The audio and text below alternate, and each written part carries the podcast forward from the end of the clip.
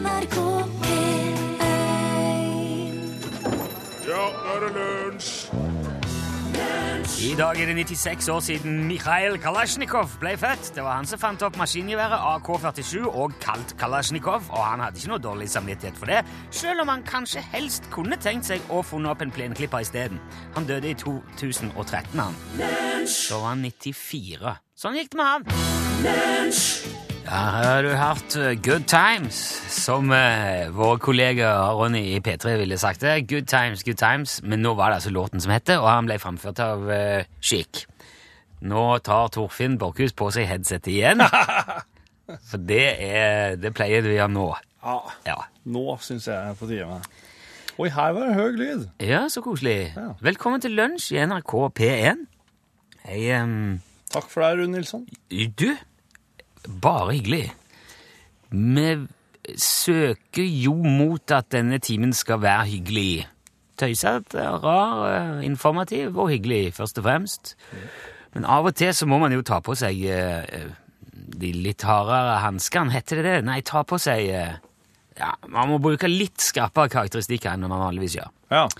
Og i dag er vi dessverre på en sånn dag, så jeg kommer til å være ganske kommer til å være litt rå nå. Litt sånn eh, Ja vel. Litt hard. Men rettferdig. Ja. Og, og rett. Eh, noen ganger må man bruke litt store bokstaver. Eh, for å få fram et poeng, og poenget her og nå, det er høsten, mørket og usynligheten. Ja. ja. Det er nemlig sånn at nå i disse dager og framover utover vinteren, så går der flokker med lavpanna, idiotiske brødgjøker rundt langt norske veier i sine stilige, dyre og beik svarte designerjakker og sko, og tror at folk ser de like godt som om det var en lys og fin vårdag i mai. Ja. Helt uten tanke på at dersom det kommer en bil for eksempel både bak og en imot, så ser de ingenting annet enn hverandres frontlys. Nei. Og der står de da, idiotene, midt i krysslinja som ei døv og blind ku på ei jernbanelinje, og setter all sin lit til at mirakler, det er så vanlig at det er ikke nødvendig for meg å bry meg om jeg blir sett eller hva som helst. Selv om det statistisk er minst 50% mindre sjanse for å bli påkjørt og drept hvis du viser litt igjen i mørket. Så der rusler de da, som den usynlige mannen, aner fred og ingen fare i all sin praktfulle enfoldighet.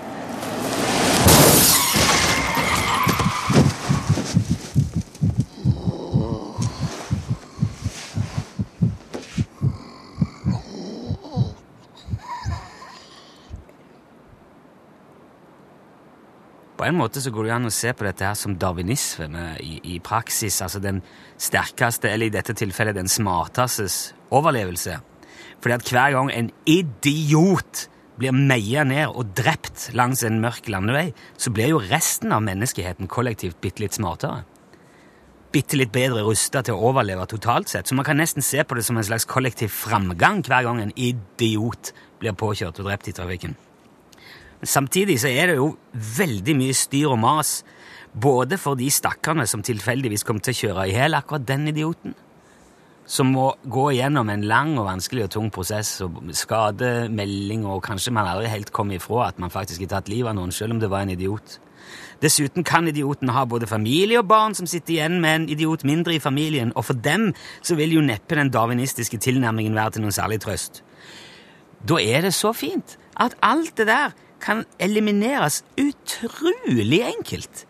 Det skal ikke mer enn en liten ansamling glassprismer eller mikroprismer eller glasslinser montert i en praktisk og anvendelig liten innpakning til, så går du ifra å være en usynlig idiot, trua på livet, til å bli et synlig, fornuftig, oppegående medlem av fellesskapet med oppsiktsvekkende større sjanse for å overleve.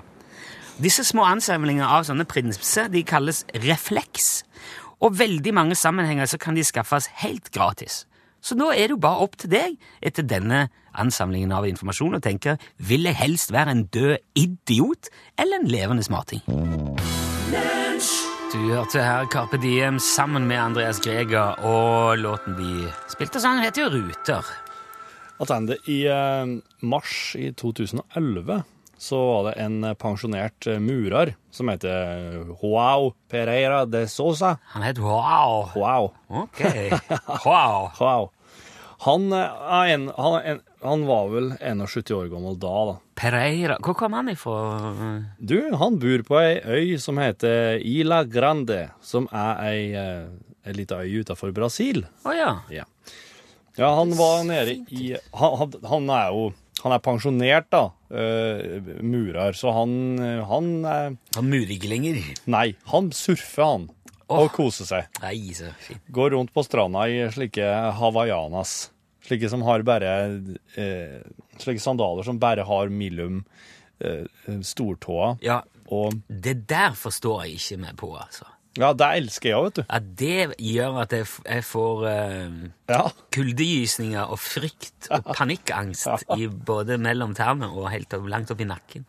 Uh, Iallfall så gikk han og loffa nede på stranda der i, uh, for noen år siden. Og så der ligger det da en liten svart innolja skapning. Uh, det viser seg å være en sånn Magellan-pingvin. En, eh, en liten pingvin som egentlig fins i Magellanstredet, da, som er helt utafor eh, sørspissen av Sør-Amerika. Å ja. Der er pingvinen, ja. Ja.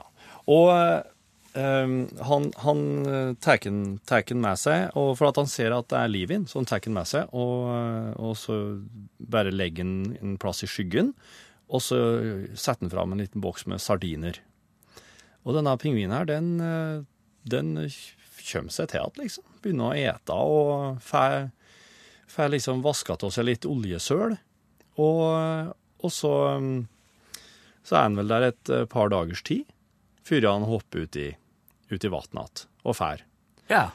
Og siden den gangen så er pingvin innom en Hoao hvert eneste år.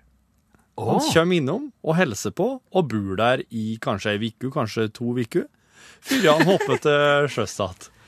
For at disse Magellan-pingvinene, de fer på sånn, når det er paringstid, så tar de seg en tur vekk fra Magellanstreet. Og da, og på dem, på, i akkurat i denne paringssesongen, da, da stikker han innom og hilser på. Eh, og et en boks med sardiner. og Slå så av en prat. Dem å surfe litt. Og ikke noe annet dyr får komme i nærheten av en huao, mens eh, pingvinen, som han har valgt å kalle Jing-Jing, er der. Er, han er veldig, veldig beskyttende. Oh, ja. Ikke kom i nærheten av Kan hende han tror det er mor eller far hans, liksom. Kan hende han tror at Hoao er faktisk mor eller far sin. Hva vet jeg? ja da- hvert fall en veldig god kompis Jeg tror han er en ganske dum pingvin hvis han tror det. Ja, i alle fall så men, Far min er en eh, brasilianer med sånne sandaler mellom tærne. Hawaiianas, ja. Hawaiianas, Ja, ja. ja. Og Da er eh, andre pingviner som sier nei, han er ikke det. Du, ærlig talt. Jo, jo, jo. han er det. det var, i, hvert fall, I hvert fall så, i hvert fall så har han har har en slik forhold til noen som som også vi har hatt hvis noen fant oss innsausa i olje og, og Ja. i ferd med å dø, Ja. og ga oss et lite måltid. Hater når det skjer. Ja. Så um, um, det her er Det her er Det var Det her er veldig bra. Det her illustrerer veldig bra, syns jeg, hvor viktig det er å dele en boks med sardiner iblant. Ja.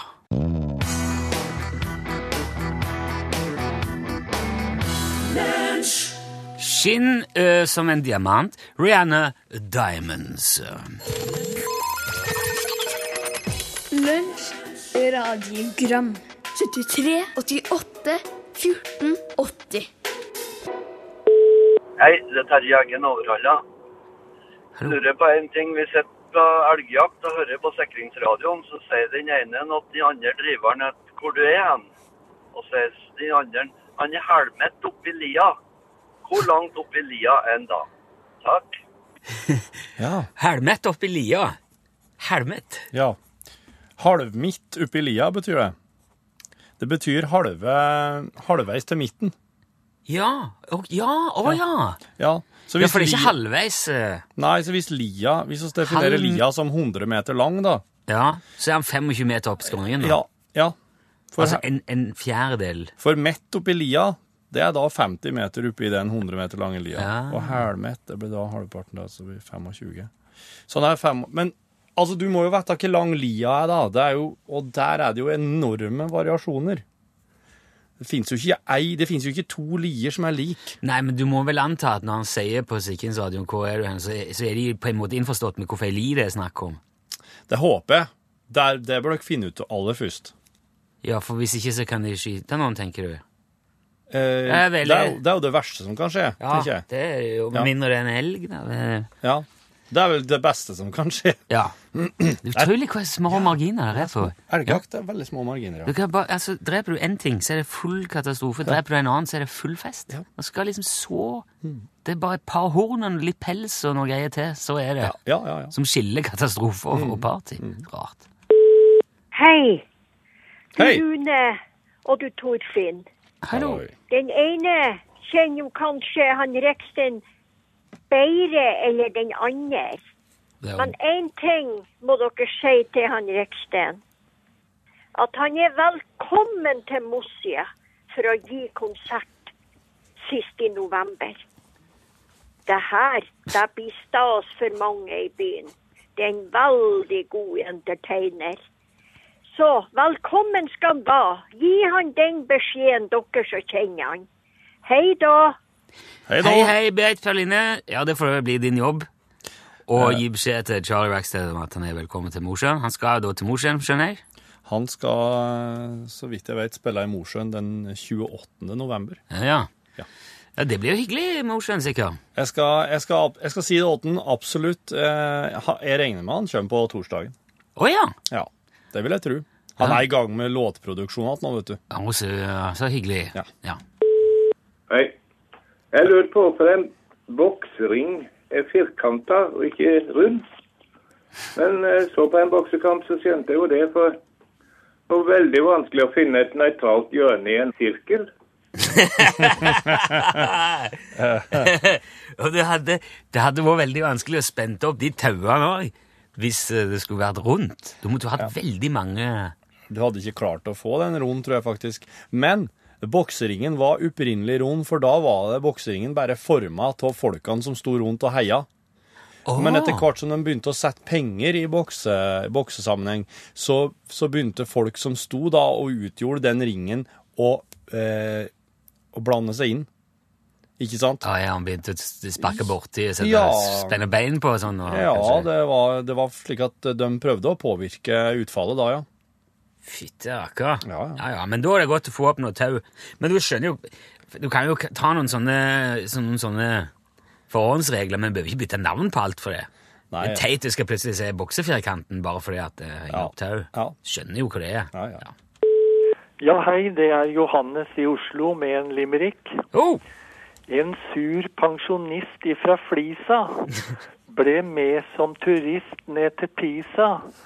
Turistguiden fikk ved tårnet kritikk. Det er ikke så skjevt som de sa. ja, herlig.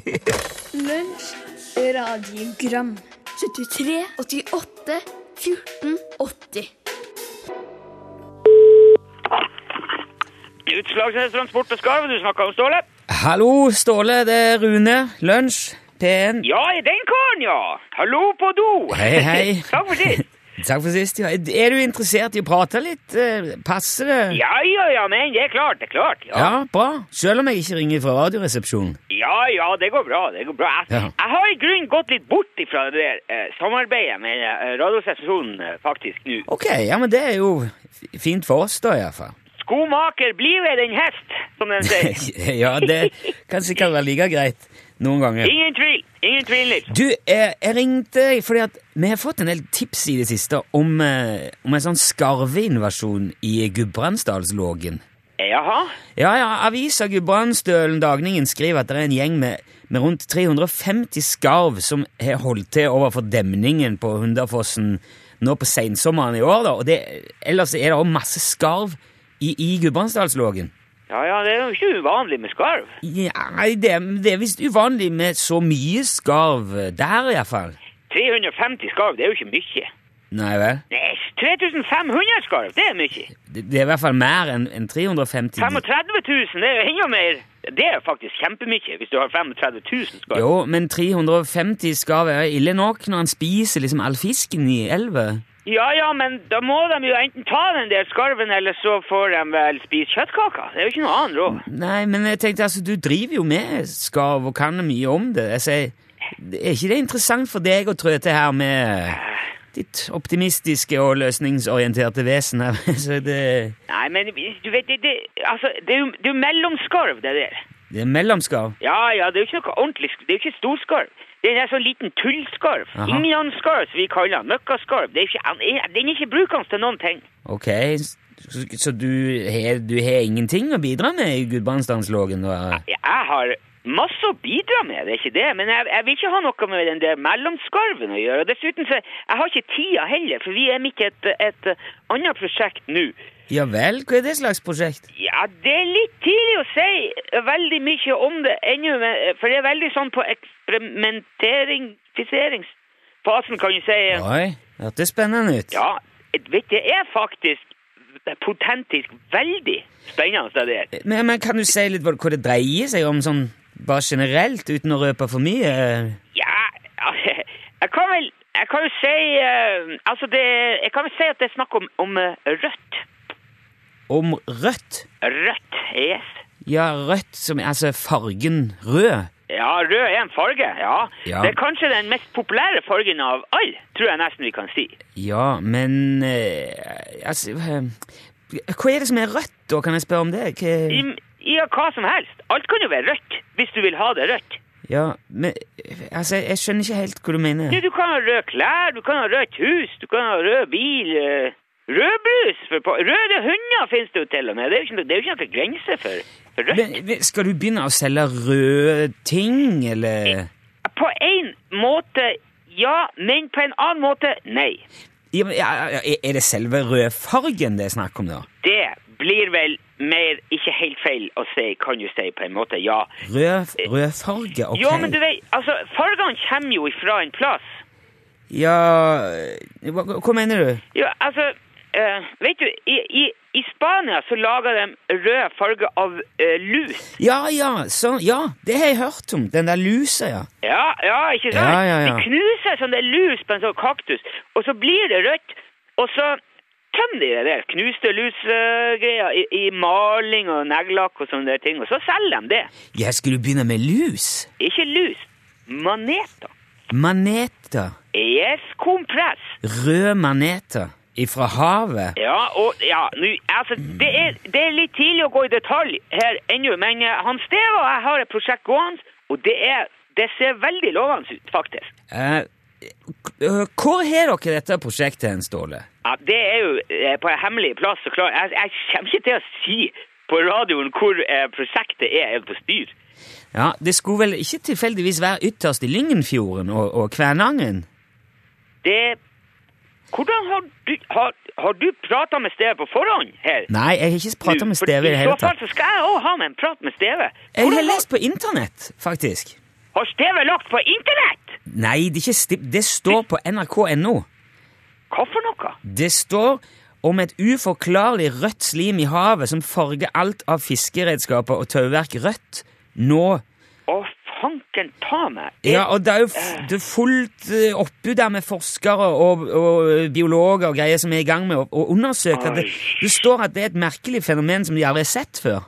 Nei, det skal jeg love deg. Det har de aldri sett før. Jo, men er det, er det du som står bak dette her? Står bak og står bak. Altså, Dette er nyhetene, står det. Eh. Det ligger visstnok et 15-30 meter tjukt lag Oh, med wow. sånn der rødt slim på havbunnen eh, enkelte plasser. så på 15-30 meter. Det er jo kjempebra. Nei, det er jo ikke det. Det går jo i trålen til fiskerne. Og, og det står på, på nettet at man er redd for at dyrelivet i havet ikke takler det. Nei, hva du sier du?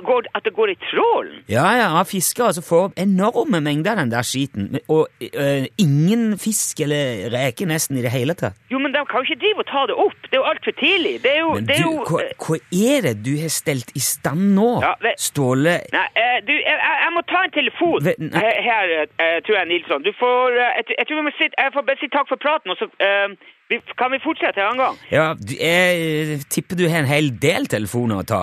Ja, vi får nå se på det. det ja, ok, Men eh, sett i gang, du, Ståle, så kan vi snakkes ja, heller. Ja, den er grei. Den er grei. Hei så lenge. Ja, hei, hei. Ja.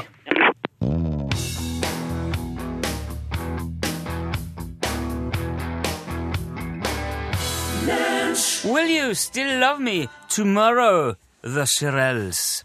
Eh, I går så nevnte Var det ikke i går snakket om Hedy Lamar?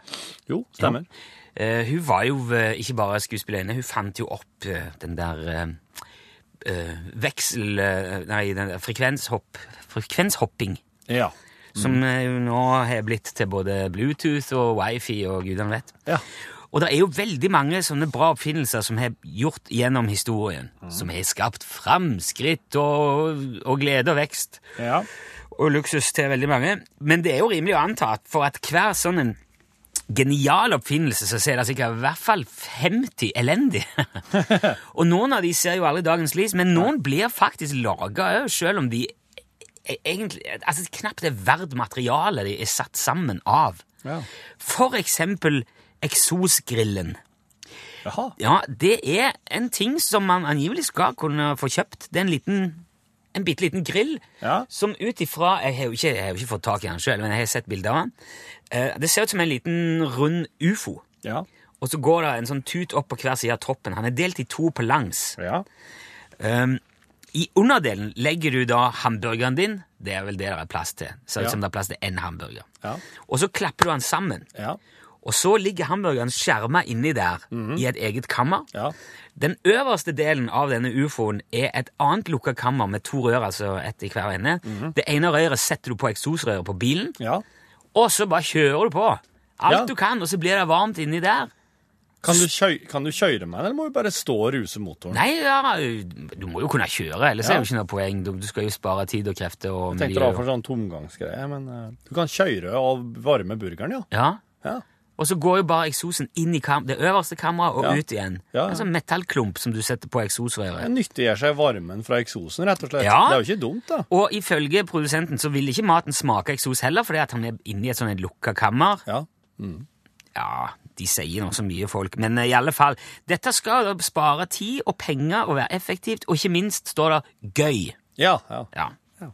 Nei, ok, det så ut som du fikk. Ja, jeg, synes, jeg liker veldig godt slike ting som der du kan, der du kan dra nytte av ting som er eksempel varm.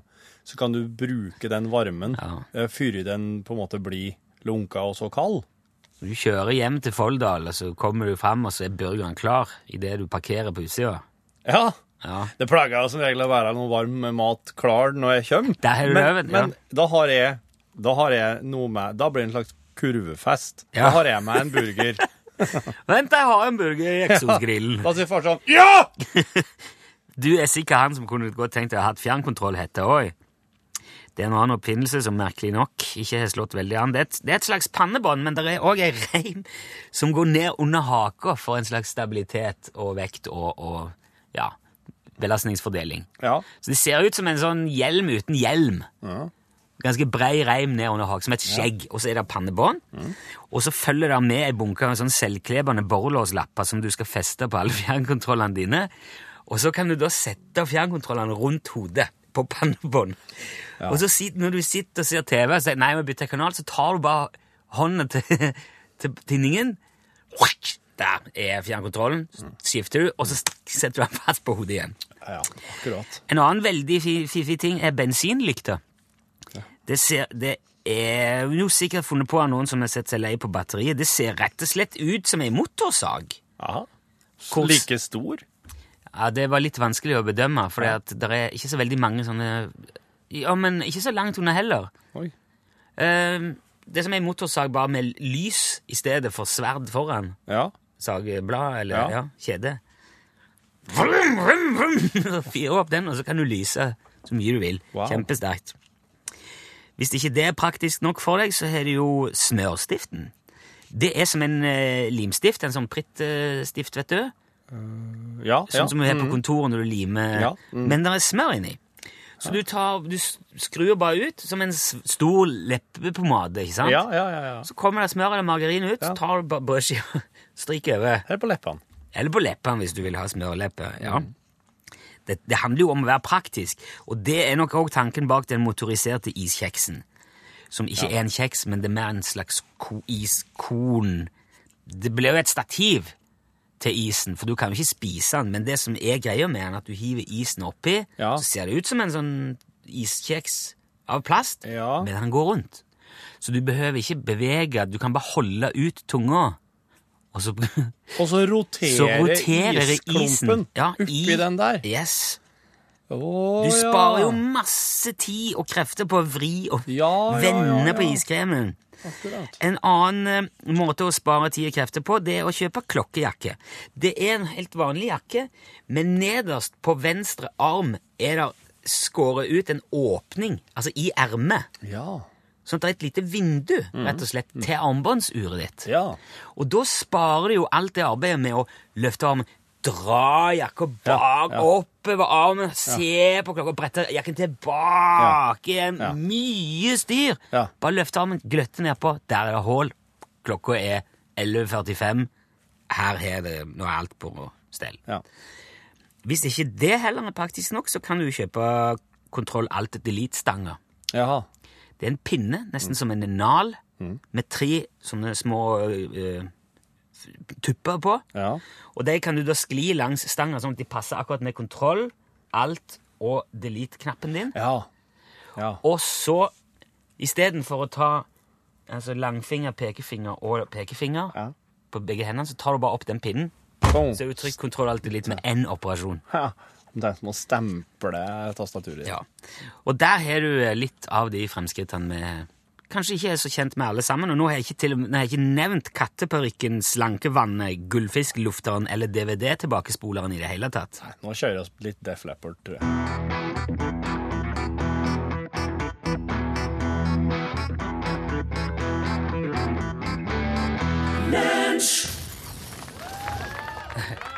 Ja, eh, tusen takk, beklager. Tusen takk, tusen takk. Det var eh, det Flippert. Mine damer og herrer, ta godt imot eh, standup-komiker Torfinn Borchhus! Hei, tusen takk! Hei, sveis! Hei. Uh, ja, takk. det var koselig. Um, eksen min og jeg, vet du, oss uh, passa ikke så godt i hop. Hun var vannmann, og jeg tror ikke på slikt tull. Eh, Hvor mange gamlinger trenger du for å skifte ei lyspære, da? Du trenger fem. Du trenger en for å skifte, og så trenger du fire for å stå rundt og kommentere hvor bra den gamle var. Jeg vurderte å kjøpe meg en lommekalkulator, men det slo meg at ingen bryr seg om hvor mange lummer jeg har. Så var jeg på biblioteket her, vet du. Så lånte jeg en bok om eh, Pavlovs hunder og Schrødingers katt. Jeg skulle låne en bok om Pavlovs hunder og Schrødingers katt. Og bibliotekaren sa det ringte ei bjølle, men hun visste ikke om hun var inne eller ikke. En imam, en prest og en mulla kommer inn i en bar. Sier bartenderen er dette her en vits. Hva er det sikreste tegnet på at noen er forelska, da? Ei skilsmisse. OK, to kyr står på et jorde. Har du hørt om kugalskap? spør den ene. Jeg er et helikopter, hvorfor skal jeg bry meg? siden andre. Hva gjør en matematiker med forstoppelse? Han fikser med penn og papir, vet du. Hva kaller du en franskmann med sandaler, da? Philip Philop. Takk for meg. Takk for meg.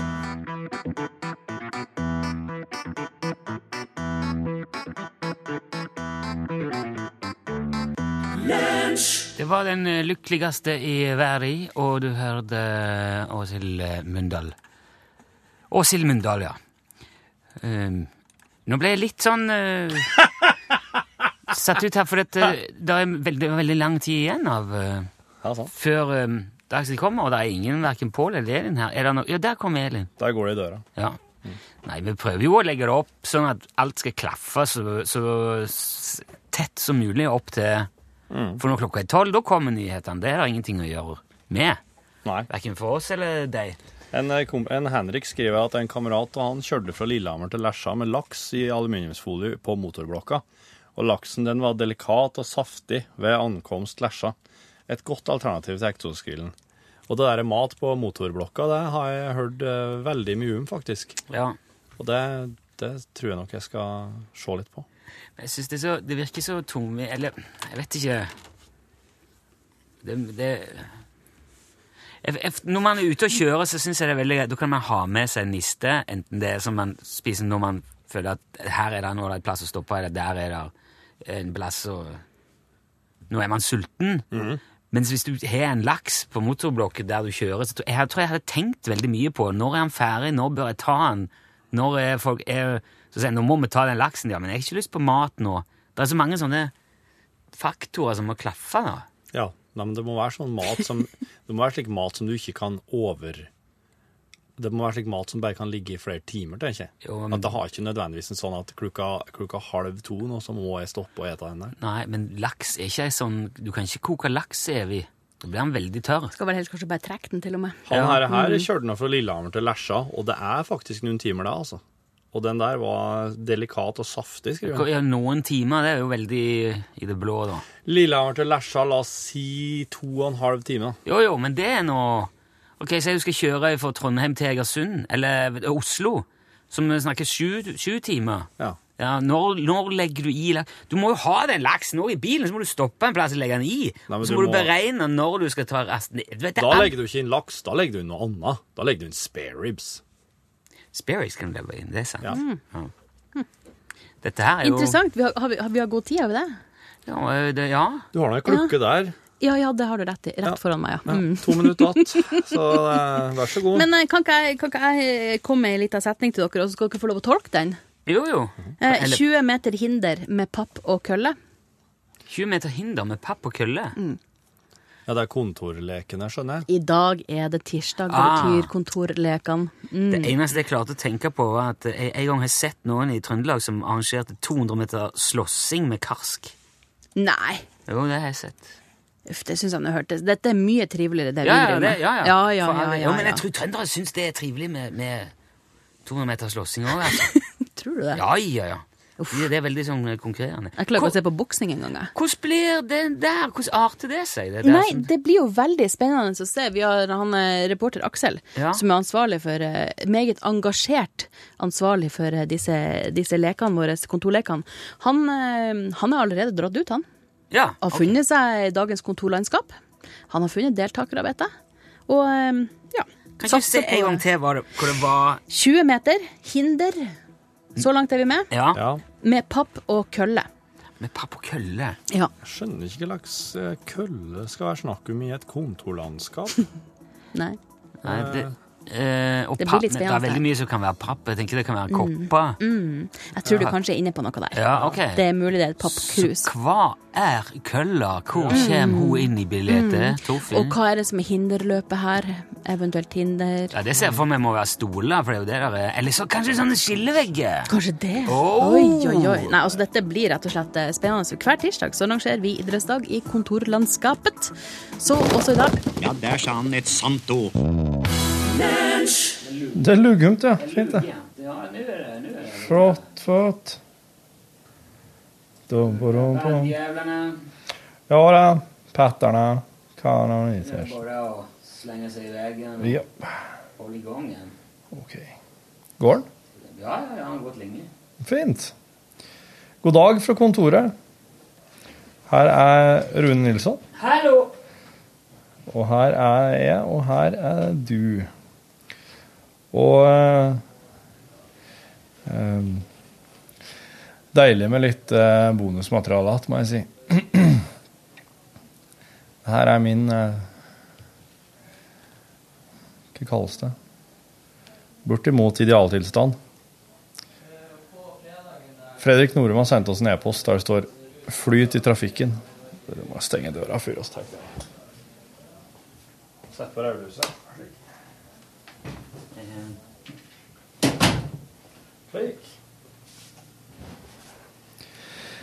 Jeg anser meg selv som en rolig og avbalansert mann, og mamma har alltid sagt at jeg er en tålmodig sjel. Det er altså sjelden jeg lar meg hisse opp, men enkelte situasjoner er mer utfordrende enn andre, også for meg. Eksempel tar jeg det personlig når kyr ikke oppfører seg i melkeroboten og sparker brillene av hodet på meg. Da får jeg en sterk følelse av at de gjør seg vanskelig med vilje, bare for å plage meg. Fem minutter senere takker jeg de gamle gudene for at vi ikke har skytevåpen i fjøset. Og for mange år siden, da jeg jobbet på bensinstasjon, utviklet jeg den samme indre aggresjonen mot enkelte kundegrupper. 1. De som kom kjempetidlig på morgenen og skulle veksle tusenlapper. slik at de kunne gamble dem bort på automater. De utviste en fullstendig mangel på forståelse for at jeg ikke hadde veksel nok i kassa, og valgte på pur faen å kjøpe en pakke tyggegummi da jeg forklarte dem situasjonen. 2. De som kom seint på kvelden når det ellers var rolig og jeg hadde ordna meg mat og satt bak kassa og kosa meg med en avis eller annet lesestoff. Dette var før smarttelefonens ankomst. Også her fikk jeg en sterk følelse av at de gjorde det på pur jævel, de kukene, og det skjedde flere ganger at jeg høflig unnskyldte meg og gikk på bakrommet og lemlestet noen tomme pappesker for å kvitte meg med frustrasjoner. Dette kommer muligens litt brått på for de av dere som ikke har jobbet på bensinstasjon, men mange av de som har vært gjennom dette helvete av en jobb, vil forstå. 3. De som føler seg hevet over alle andre, og spesielt servicemedarbeiderne i lavtlønns, lavtlønnsyrker, og som ikke går av veien for å uttrykke dette på skamløst vis. F.eks. han som skulle betale minus tre kroner literen for bensin fordi det var oppstått en feil på den ene lystavla som annonserte prisen. Han skulle altså ha betalt for å fylle drivstoff, og mente han hadde sitt på det tørre. Juridisk sett hadde han muligens det, hva vet jeg, men enn så lenge man evner å erverve seg et sertifikat for å kjøre 3500 kilo tunge stålklumper i høy hastighet rundt omkring i samfunnet, så bør man også være utstyrt med gangsyn nok til å skjønne at ingen betaler folk for å fylle drivstoff. Det hadde han sikkert også, men valgte å være kuk, fordi det er det han er. I disse dager er jeg stort sett fritatt for slike indre raserianfall, hvis vi ser bort fra vanskelige kyr, da men de siste par ukene har jeg lagt merke til et urovekkende mønster. Og i dag merket jeg at det knøt seg litt inni meg. Dette skjer på vei hjem fra byen, og vi snakker selvfølgelig om godt gammeldags road rage. Først litt bakgrunnsinformasjon.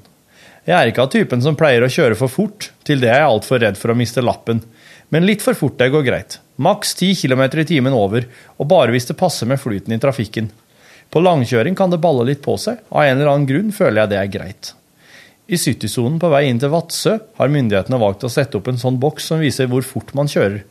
Dette passer meg kjempebra, for nå har jeg kalibrert meg slik at jeg vet nøyaktig hva speedometeret i bilen min viser når jeg ligger akkurat i 70.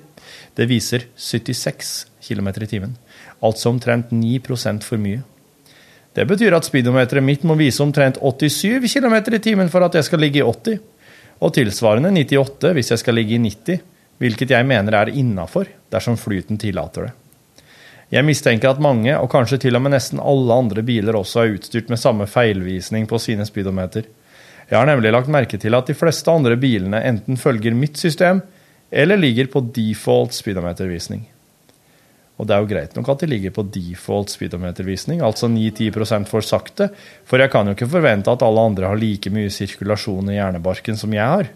Så dette aksepterer jeg, og legger meg minst tre sekunder bak og trøster meg selv med at nå får jeg hørt noen minutter ekstra på radio. Men i de siste par ukene har jeg nesten uten, inntak, nesten uten unntak blitt liggende bak folk som kjører i default 60-65 km i timen. Altså omtrent 55-60 reelle km i timen. Dette skjer ikke når jeg kjører til byen, bare når jeg skal hjem. Hva er dette for noe tøys?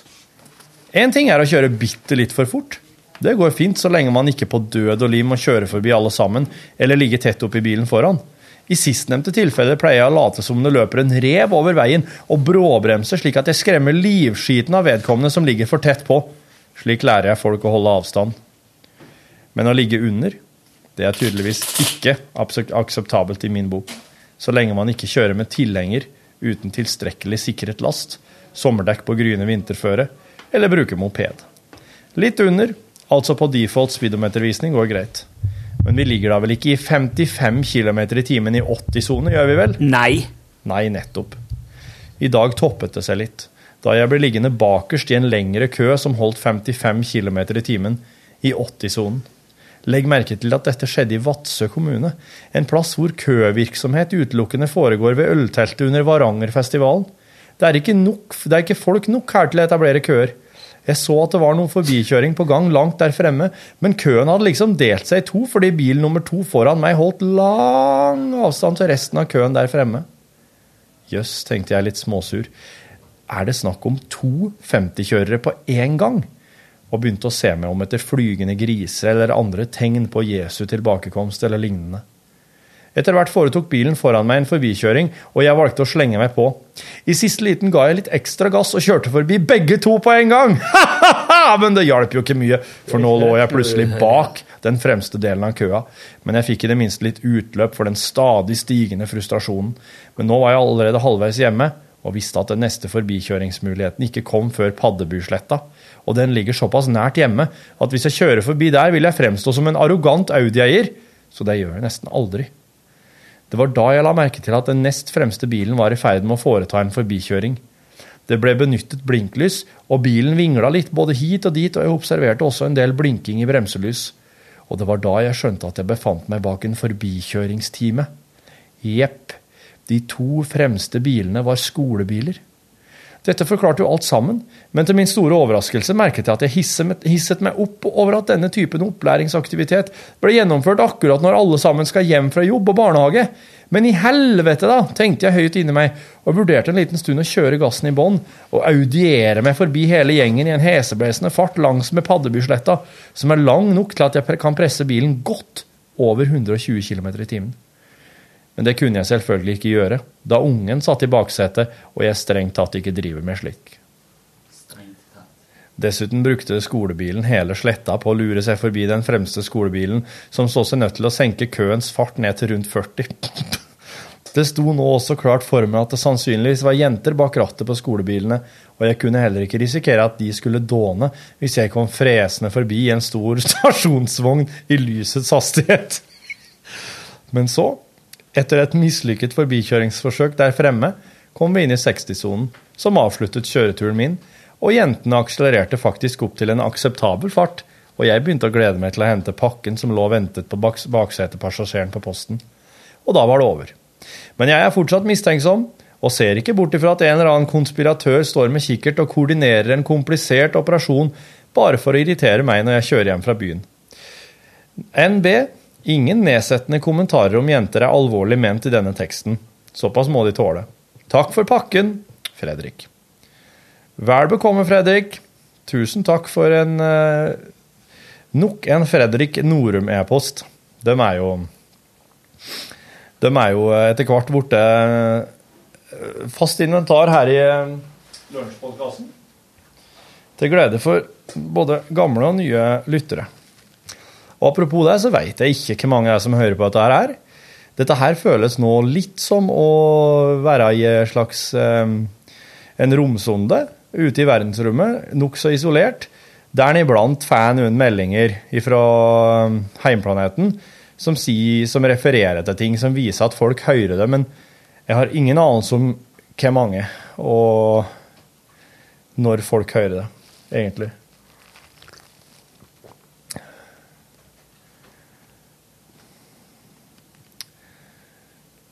Hvordan har du det, da, kjære podkastlytter?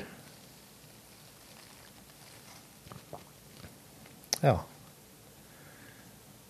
Jeg prøver å drikke kaffen min litt uh, diskré.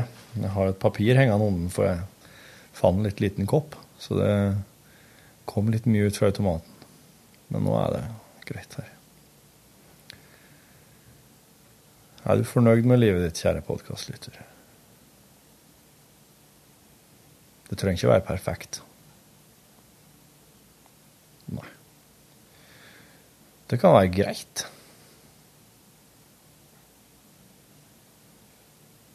Da syns jeg du skal være fornøyd. Det kan være perfekt i sånne glimt. Her og der. Da er det optimalt. I det siste så har jeg begynt å se på en TV-serie som heter Fargo. Som er inspirert av filmen Fargo. Og du, hvis du begynner å se den, så må du ikke la deg avskrekke til at den begynner omtrent helt likt som filmen. For den fortsetter ikke helt likt som filmen.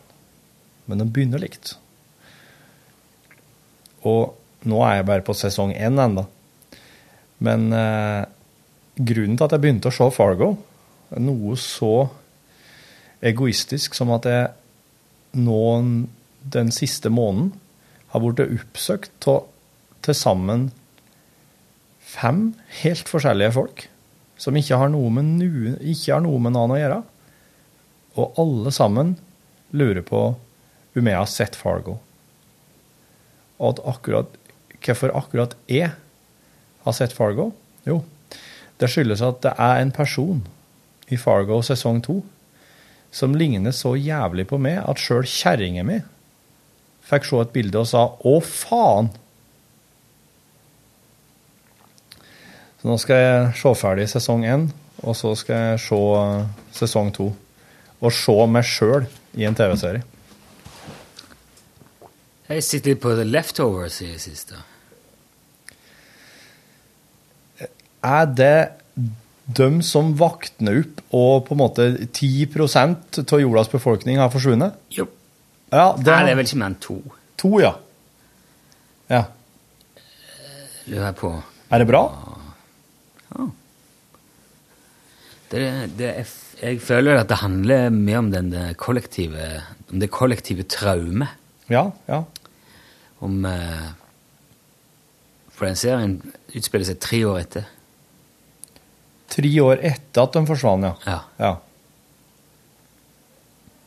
Jeg tror det var 2% Jeg tror ikke det var så mye som 10. Jeg kan ikke Nei. huske.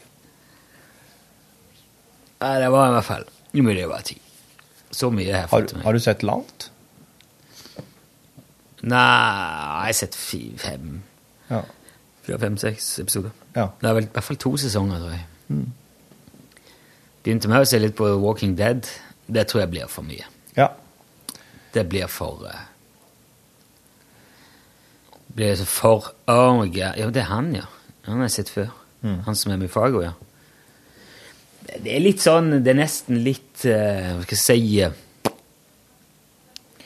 Det å ha en dobbeltgjenger når du har så mye skjegg som dere har, dere to, Ja. det gjelder nesten på et litt annet nivå. ja. Det blir en annen greie. Det, blir nesten, det, det er ikke, ikke helt som å si at Gud, du er lik han i finlandshetta, men det er noe Men jeg, jeg, jeg ligner jo ikke på Truls Svendsen. Nei, jeg gjør ikke det. Nei, men du skjønner hva jeg mener? Skjegget gjør jo mye Jeg av tror du gjør det litt vanskelig. Noe skal vi jo ha snakka om her. Jeg bare sier at Det er lettere å ligne på en med skjegg enn en uten. Nei. Hvis du er to mann med skjegg. Nei. Faktisk ikke. Så du mener ser- hvis han hadde barbert seg, så hadde dere to vært enda likere? Og du hadde barbert deg? Det kan hende. Ja, det tror jeg ikke. For at eh, det, det kan jo faktisk hende at den ligner om det Men altså, i hvert fall slik jeg ser på det, så ser skjegg så er skjegg Jeg syns at skjegg er helt forskjellig fra person til person. Så jeg syns ikke skjegg nødvendigvis gjør folk mer lik en annen, akkurat for at når jeg ser et skjegg, så ser jeg et helt spesielt individuelt skjegg.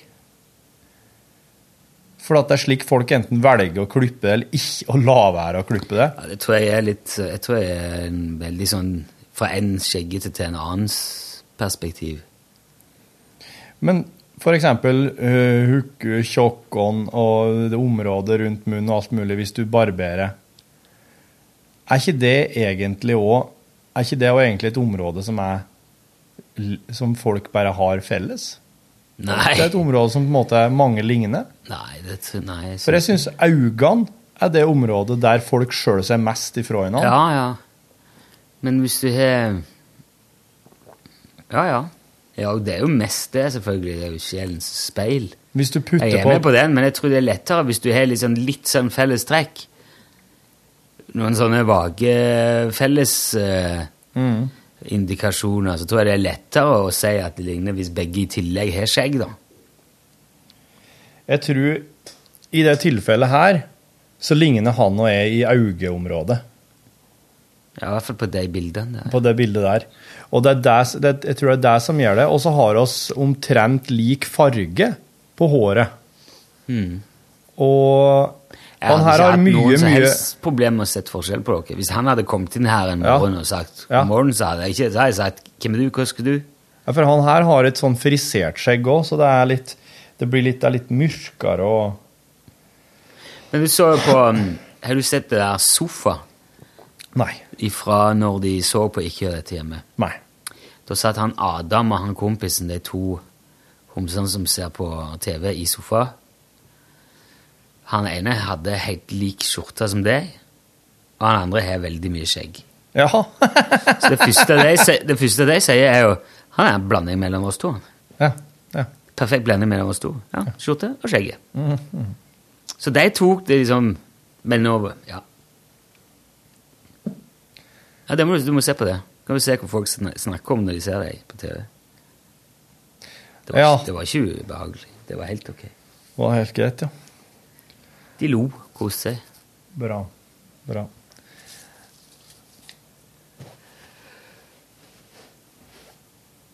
Ja, den går helt til andre siden av skjermen. Passerer over maximizeren der og når enden. Ja. Så en halvtime. Det er en halvtime, ja. Det er jo et fint eh, måle... Bager. Det er godt. Nå skal du få høre her, var noen som eh, var redd at du var tid til fange, Rune. At det er tid til fange? Jeg vet ikke om det her er en podkast e-post. Tid til fange. Tok den til fange. Hei. Det er godt å høre at Rune Nilsson er tilbake, og jeg begynte å bli, be Oi, bli bekymret for at han ble tatt av SJA, Secret Journalist Alliance, for å ha offentliggjort hvordan folk gjør seg opp meninger ut fra når og hvordan de blir fortalt ting på mandag i forrige uke. Dette er jo den metoden journalistene bruker til å styre landet og verden på, og de vil jo ikke at publikum skal bli bevisst på slikt. En bekymringsverdig situasjon. Tenk at han turde lese opp slik informasjon på direktesendt radio. Jeg ønsker å være anonym av redsel for selv å bli forfulgt av SJA. Ellers tusen takk for et kjempeflott program.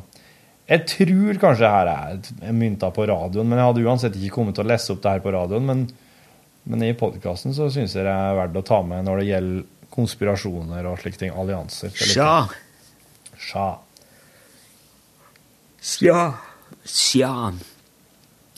Ja, det er sånn som avisene eh, driver. Ja. Åh. Det er Det er ikke bra i det hele tatt. Nei. Nei. For eksempel nå når eh, Det har altså kommet veldig mye flyktninger til Norge. Og det er jo ikke rimelig å anta Eller det er ikke urimelig å anta at blant de tusenene som er kommet, så er det en eller annen utakknemlig kødd. En annen drittsekk der òg, som det er i alle andre lag i samfunnet og i verden for øvrig. Mm. Som tror det at han er Ja, som kanskje går rundt og tror at han, han, er, han er like berettiget og like opphøyd og like mye verd som vi som bor her fra før av. Mhm. Som går rundt med en så misforstått virkelighetsoppfatning at han tror han kan stille krav eller uttale seg om kvaliteten på egentlig hva som helst når han Ja. kommer til et sted som flyktning. Ja, ja. Og grunnen til at jeg sier at det er noen ytterst få, er fordi at eh, de aller, aller, aller, aller, aller, aller fleste av de stakkarene som har kommet halsende over her på et eller annet vis, gjør jo ikke det. Men nå er det jo noen, da, som har sagt at vet du hva, den maten vi får her, det her brødgreiene og ostene og dette, det er ikke noe bra. Nei. Og da slår avisene det opp som eh, Flyktninger klaget på maten! Misfornøyd med service! Og dermed så skaper det jo et inntrykk av at det, det, det som kommer hit, det er en horde av utakknemlige rødhål som er akkurat like bortskjemt som det som bor her fra før. Og det står seg jo ikke. Selvfølgelig gjør det ikke det. Men så er det bare feil. Altså forsvinnende minoritet. Men vi går på med liksom liv og lyst og svelger det rått. Ja, det var det jeg visste! De er rødhål alle sammen! Tenn fyr på det mottaket! Få varmt vann òg, jævlan! Ja. Det er et, det er et eh, sabla problem med denne avisen. Og jeg skjønner ikke hva, hva som skal til før, før man liksom ser gjennom den der spekulative metodene de bruker. Når skal liksom folk flest skjønne at det, er aviser, det eneste avisene har av motiv, i hvert fall jeg vil si 90% av det de publiserer, det er at du skal lese det.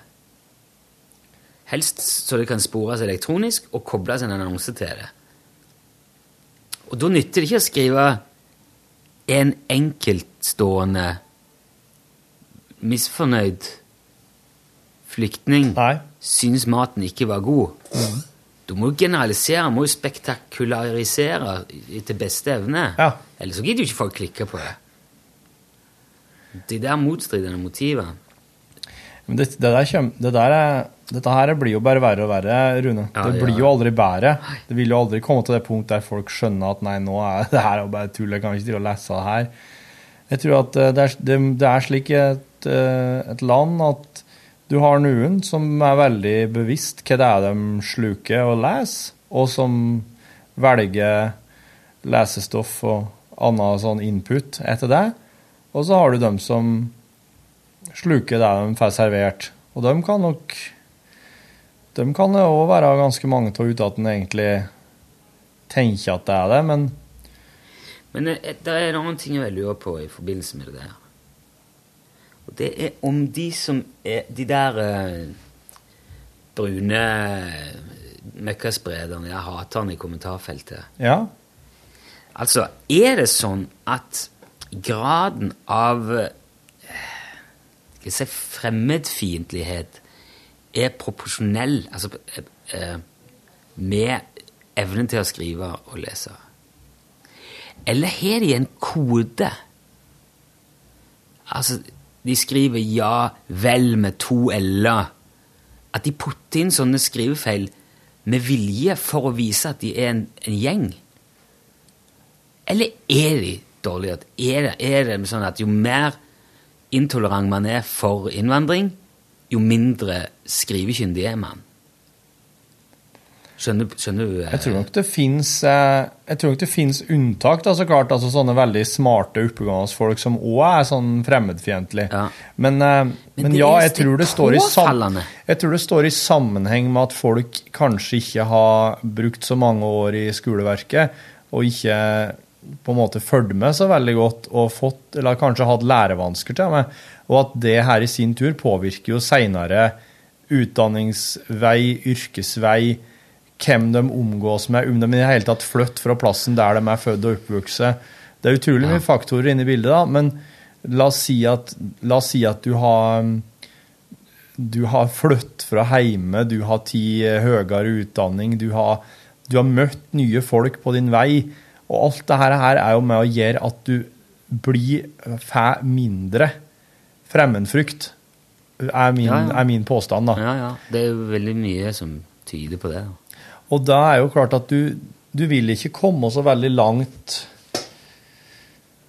Tror ikke jeg, men nå finnes det sikkert gode unntak her òg. Men eh, det der med å kunne lese og skrive og det gjør- gjøre seg forstått skriftlig er en ganske stor forutsetning for å Jo, men jeg skjønner jo, man skjønner jo hva jeg mener, men det er bare det der er Jeg syns det, det er så påfallende at det, det er veldig ofte liksom de samme type skrivefeil som går i, igjen.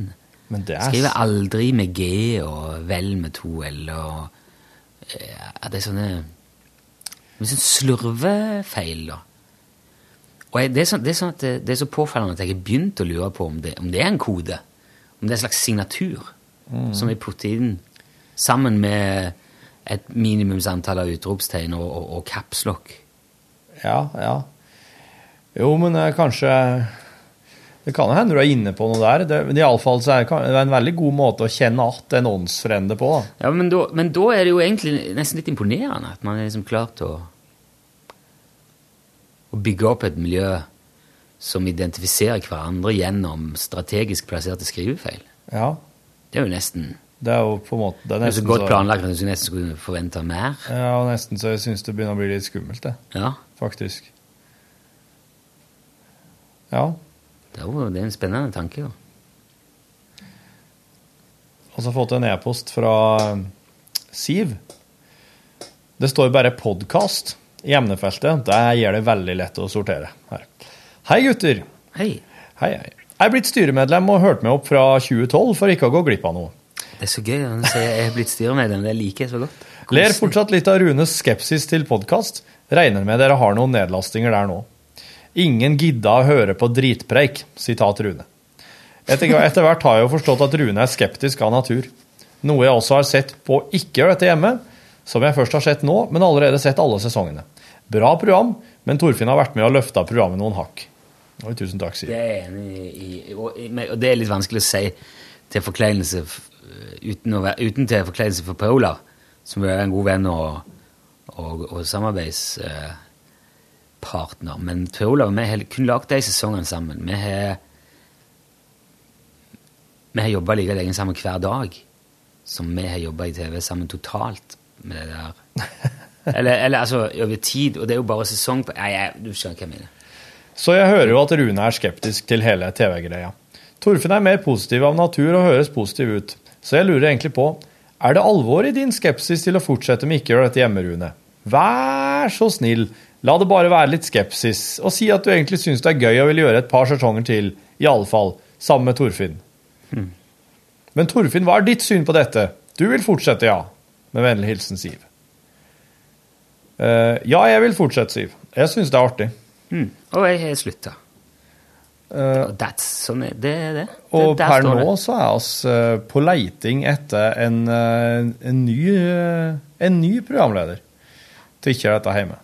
Som kan, eh, som kan hoppe inn for Rune i lag med meg der. Og det, der, der, der er det mye forslag på bordet. Og det, og det vurderes eh, alle kjønn og alle preferanser og, Ja. ja. og legninger og i det hele tatt. Ja, kult. Så der er det helt, det er helt vidåpent, vil jeg nesten si. Men hvis, er, hvis du eh, som hører på har et godt forslag, så må vi bare sende et forslag. Du kan sende til torfinn, krøllalfa.nrk.no. Så slipper Rune å få alle seg der i sin boks. Når han en gang har gitt seg. Ikke få mail om masse ting som han ikke har noe med å gjøre. Nei, du skal få slippe å forholde deg til det. Men du, eh, du syns det er godt å ha fått sagt helt ifra deg, Rune? Mm. Ja. Ja, jeg har, et så anstrengt forhold til det etter hvert at eh, jeg må bare ut. Ja. Og jeg skal innrømme at det, det tid, til tider er litt sånn ambivalent. Og,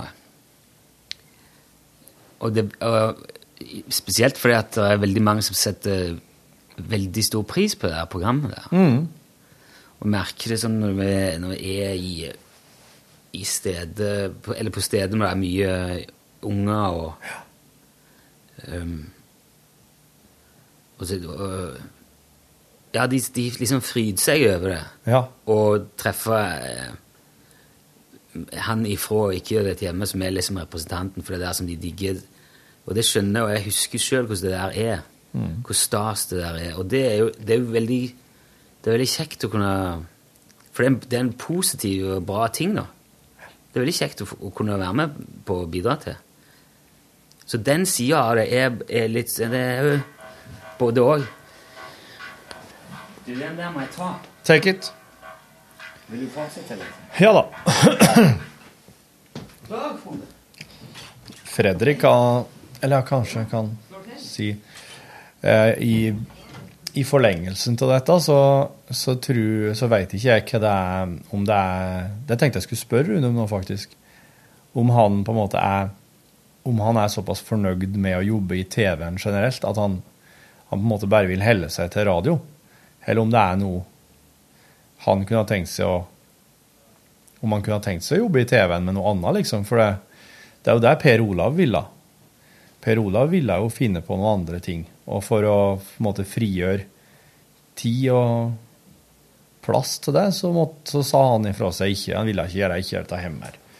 Og nå er jo han i gang med et, et eh, nytt TV-konsept som heter eh, kjemi, Når kjemien stemmer, tror jeg det heter. De driver nå og de driver nå og søker etter deltakere og på en måte, ja. Jeg tror det er innspilling på nyåret av det. Der han skal være programleder. Og, men jeg vet ikke, jeg har ikke peiling om Rune. på en måte. Hva som hadde vært det ideelle TV-programmet for Rune, det hadde vært artig å visst.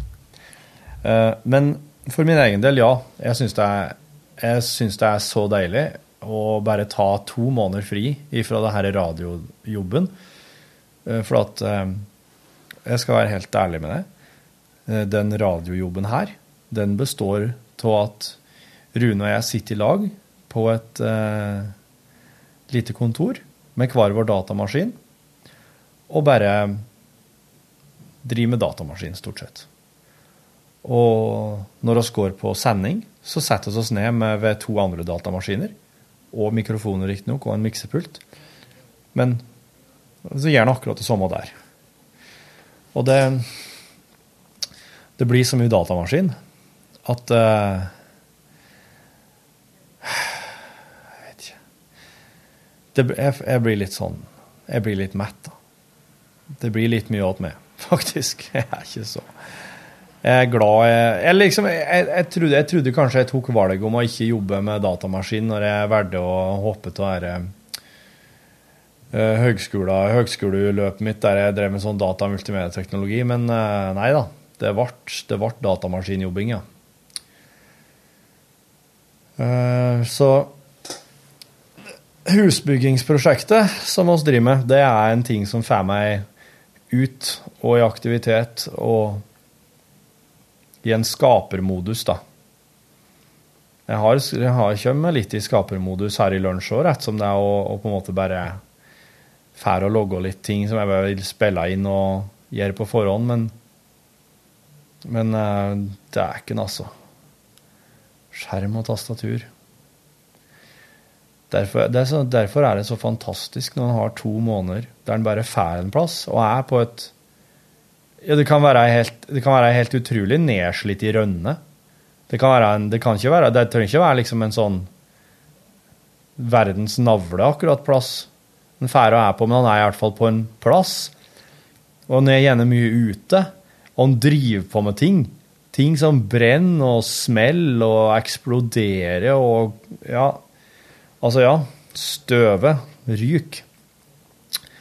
Det syns jeg, det synes jeg er bra, altså. For å ha to måneder med det der, midt inni alt det her skjerm- og tastaturgreiene, det er fantastisk. Det er godt. Det er avveksling, og det gjør at eh, når jeg kommer da, eh, til skjermen og tastaturet, så oppleves det som såpass eh, lenge siden at det gir meg det gir meg veldig fornya energi. Da.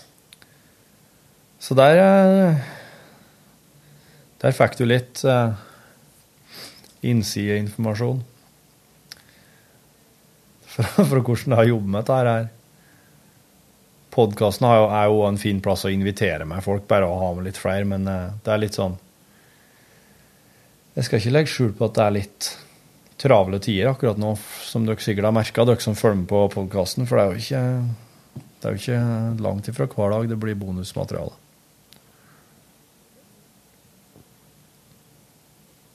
Og det Ja, det beklager jeg. Jeg vil jo gjerne at det skal være Jeg vil, jeg vil at det skal være bonusmateriale hver dag, har jeg vært opp til meg. Men uh, oss, uh, oss blir spurt om litt forskjellig, og vi skal bli flinkere til å si nei til andre ting. det skal vi. Vi må jo det. Skal ikke drive og være med på alt mulig. Fokus må jo være på den daglige drift. Det som Det som egentlig gjør at oss blir spurt om andre ting. Så må vi ha fokus på lunsj og det der. Uh,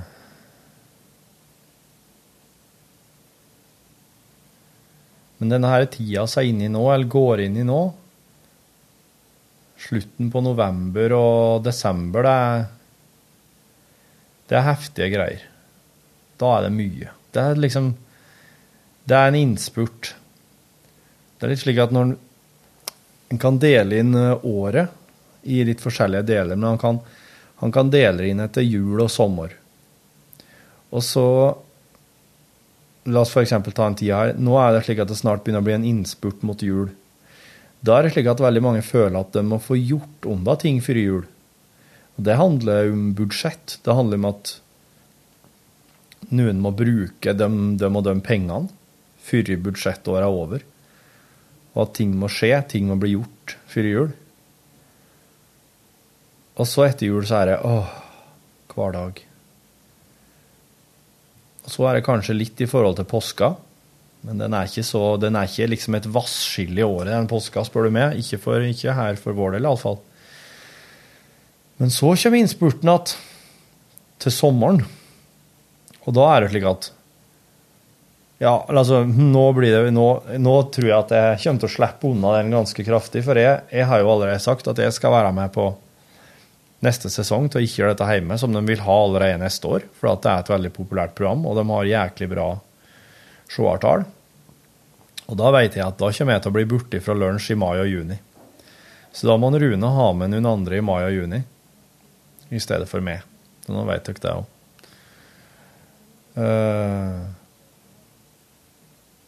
Men da kommer jeg forhåpentligvis til å bare slippe unna veldig mye av innspurten. For da kan jeg bare være med på en plass der jeg skal gjøre konkrete ting hver dag som noen, stort sett noen andre har bestemt. Men jeg får lov å gjøre det på min måte.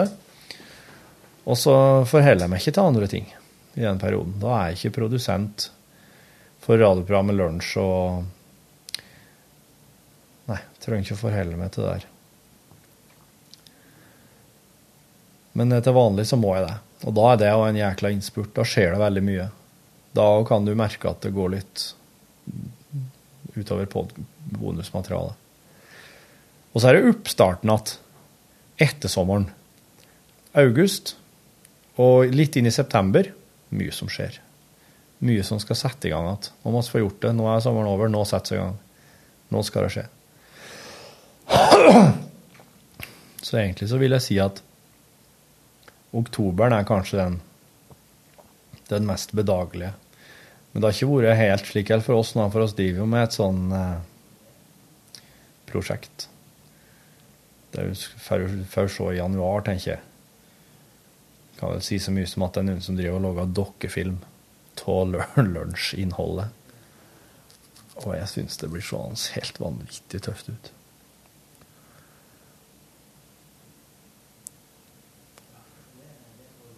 Nå står han ute her. Gammelen.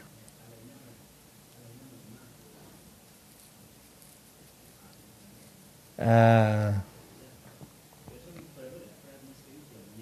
Nå kommer straks.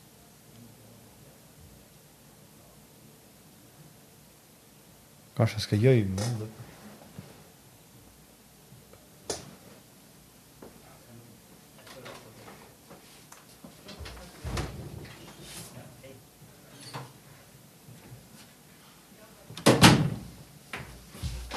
Det var litt rart. Du slo av lyset. Det var litt rart. Du var oppå Dette er jeg. Få se. Jeg vurderte om jeg skulle skremme deg eller ikke, men jeg tror jeg kommer akkurat litt for sent ned. Han, han står på så lite, vet du, den der, at jeg ser ikke at han går heller. Eller han er så stor i uh, utsnittet. Har du stoppa han? han. Har du stoppa han? Nei. Nei. Skal jeg gjøre det? Eh, nei, jeg skulle spørre deg om en ting. Et spørsmål. Har du, har du tenkt på noe annet du kunne tenkt deg å jobbe med i TV-en? Eller er du på en måte fornøyd med TV-jobbing nå og har lyst til å bare jobbe i radio? Eller har du, hva hadde vært ditt sånn ideal TV-konsept? For jeg, jeg kom på jeg måtte spørre deg om det nå i stad, når du gikk ut. Altså i, i forlengelsen til det ikke gjør dette hjemme. Slutt med, slutt med det. Er det slik at du Nei, jeg, jeg, jeg vet da fanken, jeg. Jeg vet ikke om jeg eh, Om det er det der ultimate TV bare jeg er funnet på. TV er jo Nei, for du har ikke tenkt på noen ting? Nei, nei, Nei. det er ikke gjort. Nei, jeg eh, TV kan være veldig gøy. eh. Men det kan jo være noe jækla herk. Ja. Og så er det så, det, så, det er så veldig annerledes å holde på med enn det som vi gjør. Ja. Det vi gjør, er så mye mer umiddelbart og føles mye mer ekte og ærlig, syns jeg. Mm. Mm. For uansett hva du ser i TV-skjermen, så er det noen som har putta det der. Mm. Fordi at de hadde en tanke med det. Alt, alt det som foregår, i hvert fall i, i sånn klassisk TV, eller Ja. produserte program, Ja. er tenkt på forhånd, planlagt, Ja. regissert, Mm. iverksatt. Kanskje gjort mange ganger etter hverandre. Ja. Mm. Så redigert, pakka inn, glossa, vurdert, klippet om, fargekorrigert, lydetarbeidet, og så går det ut. Mm. Mm. Mens, mens dette her er liksom Vi har jo laget ting på forhånd, men det, det er det ut. Det er mye mer eh, ordentlig, mer ekte, syns jeg. Mm. Så jeg, eh, jeg foretrekker det som Jeg foretrekker radio som eh, arbeidsform mye mer. Kanskje derfor Dagsnytt 18 er så populært på TV-en. Det er jo radio på TV. Ja. Det er flere som ser det enn som hører det, faktisk. Er det det, ja? Ja. Men jeg, jeg, skal ikke, jeg skal aldri si aldri eh, Jeg vet ikke Men det må være fordi Det må være fordi at det er noe som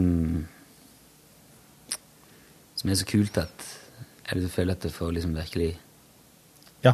Jeg kunne tenkt meg Det hadde vært veldig gøy å prøve å lage noe som var skikkelig artig. sånn Gjerne med både figurer og det liksom var litt mer fiksjon og fantasi og absurditeter. Ja. Men eh, det måtte være på en Slik som en Mighty Bush. Ja, det er kanskje sikta høyt, men kanskje litt mer norsk og eh, Jeg vet ikke mm. Ja. Mm. Ja, gøy. Liksom- Det var en fiksjon. Lunsj på TV-en. Ja. Jeg, jeg tenkte alle, alle liksom Jan og Ståle og hele, hele det der gjengen med og Johan Remington Ståhl og Ja. Arne og Betzy, jeg vet ikke Ting som Et sånt univers som jeg liker. Men det, er- der er du jo noe for Det er jo ingen grenser for hva Ståle kan finne på på radio. Det er så lett. Men hvis du skulle hatt det, hvis du skulle hatt det på TV, så hadde det jo kosta millioner. Ja. Det er ingen problem for Jan Olsen å, å bygge en uh, varmluftsballong av eh, 200 firemannstelt på radio. Men å gjøre det Du må ha et Hollywood-budsjett av noen verden. Sånn. Ja. Og pluss at de, de, de er jo ikke Når du hører dem på radioen, så forteller de jo bare om tingene. De er jo som oftest ikke i handlinga. Og det gjør jo at hvis du skulle hatt det på TV-en, så hadde det jo bare vært en person som har stått der og sagt de samme tingene. Og det er jo, det er jo ikke TV-vennlig i det hele tatt. Nei. Nei, men det, men det kan allikevel være, selv om det bare er prat og gjengivelse Hvis du får det til på en, eh, på en, på en sånn Hvis du er heldig med måten å gjøre det på, så kan det være kjempekraftig likevel. Ja. Og bildene kan være så tydelige som, som bare det. Gnistrende HD og surround. Den der forestillingsevnen, det de mener med bildet er best på, på radio. Ja. Mm. Når du ser noe på TV, så er det det du ser. Mm. Men du hører noen om den der ballongen, så kan du, du, du kan kjenne igjen Kanskje putte inn ei hytte fra barndommen og et landskap du sjøl er godt i, Ja. og et, et type firemannstelt du har sovet i, og Ikke sant? Jeg tror det er det oss alle sammen gjør. Og det kjenner du både lukt av og husker altså det, det blir mye Assosiasjonene er Mm. vel så kraftige. Kanskje Mm. enda, enda mer. Mm. Og da Ja, jeg syns det er et fantastisk medium. Jeg syns det er det kuleste mediet vi har, er lyden. Ja. Fordi det, fordi det er så begrensende og så frigjørende samtidig. Liksom. er er herlig. Men uh, we never say never. Vi får nå se. Skal avslutte med en, eh, en, liten, en aldri så liten klage òg, fra Fredrik Norum her. I fremtiden vil jeg ha meg frabedt at dere to dukker opp i drømmene mine iført klovnesminke og UTS-snipplue. Jeg kommer aldri til å hoppe ned i det gjørmehullet, Rune. Aldri! Og Torfinn, man må lese til eksamen, uansett hvor morsomt det er å løpe rundt på jorder. Nå legger vi dette bak oss, hva? Med vennlig hilsen Fredrik. Ok da, Fredrik. Greit. Greit, greit, greit. God tilstand! God tilstand! Hør flere podkaster på nrk.no podkast.